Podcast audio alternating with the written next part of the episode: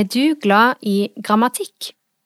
Å studere hvordan setninger er bygd opp, hva slags form verbene står i, eller å finne ut hvem som er subjekt og hvem som er objekt? Vel, det var kanskje den delen av norskfaget jeg likte best på skolen. Og denne uka har jeg lyst til å se på en spesiell form for grammatikk i Bibelen. Verbformen imperativ, den finner vi mye av i Bibelen. Gå, spis og vær glad er noen eksempler på imperativ. Når ord står skrevet på denne måten, så kan de danne en setning for seg sjøl, og på den måten oppleves som en slags befaling. Gå der, eller spis det. Det er som om noen tar seg myndighet til å fortelle mottakeren direkte hva han skal gjøre.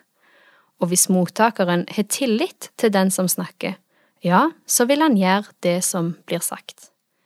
Derfor syns jeg det er spennende å lese ei bok som jeg har tillit til, nemlig Guds ord, og se hvor den bruker imperativ. For hva er det egentlig Gud befaler oss å gjøre? Når bruker Gud imperativ? Leser vi i Bibelen, så kan vi finne mange bud og formaninger. Mosebøkene alene inneholder over 600 lover som israelsfolket skulle holde. Mange av de er renhetsforskrifter og andre ting som vi ikke trenger å følge i dag. Men òg i Det nye testamentet så finner vi regler og bud. Både Jesus, Paulus og andre forteller gjennom Bibelen oss kristne hvordan vi skal leve livene våre. Og for å ikke bli helt overvelda av mengden bud og regler, og for å ha en rett forståelse av hva budene betyr for oss kristne, så er det viktig å ha det sentrale på plass først. Den viktigste imperativen Bibelen gir oss, og det er imperativen ta imot.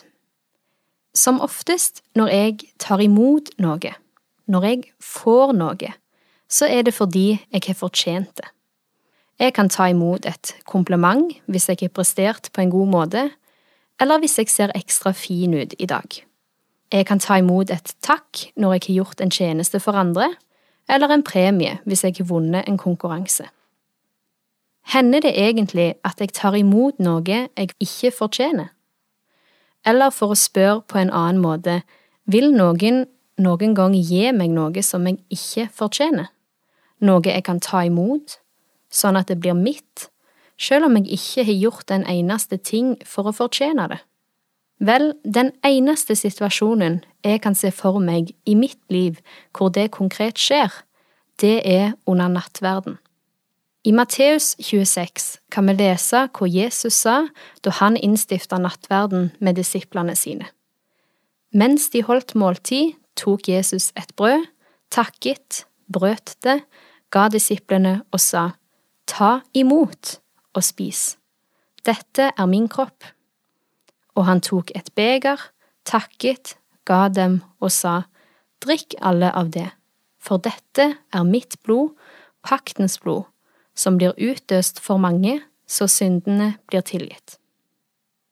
Når jeg går til nattverd, får jeg ta imot noe konkret, helt ufortjent. Gjennom Jesu legeme, gitt for meg, og Jesu blod, utøst for meg, får jeg ta imot tilgivelse for mine synder. Og legg merke til hvor mange ganger ordet meg forekom her. Jesus ga sitt legeme for meg, Blodet hans rant for meg, og når jeg tar imot dette, blir mine synder tilgitt. De blir vaska bort, og jeg får ta imot en stor, stor nåde.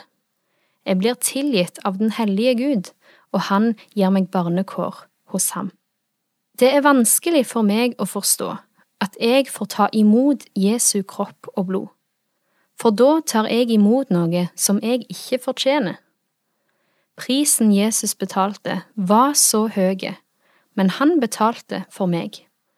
Og ikke bare det, men når jeg tar imot syndenes forlatelse fra han, så tar han imot mine synder, og han tar ansvaret for deg sjøl. Gud tar frivillig imot all min synd, sånn at jeg kan ta imot nåde og tilgivelse tilbake.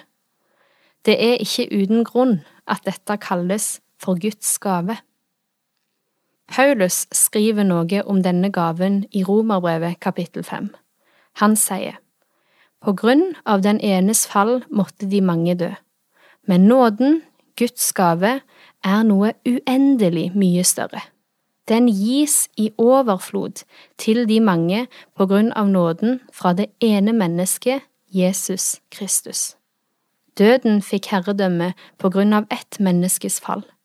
Hvor mye mer skal da ikke de som tar imot Guds store nåde og rettferdighetens gave, eie livet og få herredømme ved den ene, Jesus Kristus? Det er jammen mye vi får når vi tar imot Guds gave. Vi får faktisk et helt nytt liv, og vi får håpet om at en dag så skal vi få tilbringe evigheten sammen med Gud. Og igjen, jeg syns dette er vanskelig å forstå.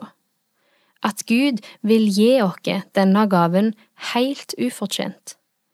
Kanskje er det derfor vi så ofte finner imperativen ta imot i Bibelen.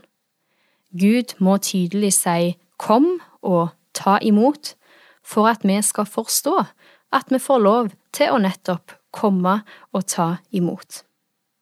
Å ta imot Guds gave, det er et valg, og noe som er helt tett knytta til det, det er å tro.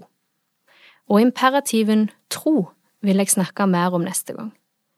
I dag vil jeg avslutte med å gi deg dette gode verset om å ta imot, som står i Johannes 1,12. Men alle som tok imot ham, dem ga han rett til å bli Guds barn, de som tror på hans navn. Du har hørt en andakt i serien Over en åpen bibel. Og dagens andaktsholder var Marie Lindland, og det var et gjenhør fra 2020. Over en åpen bibel det produseres av oss i Norea Medmisjon. Og les gjerne mer om oss på norea.no.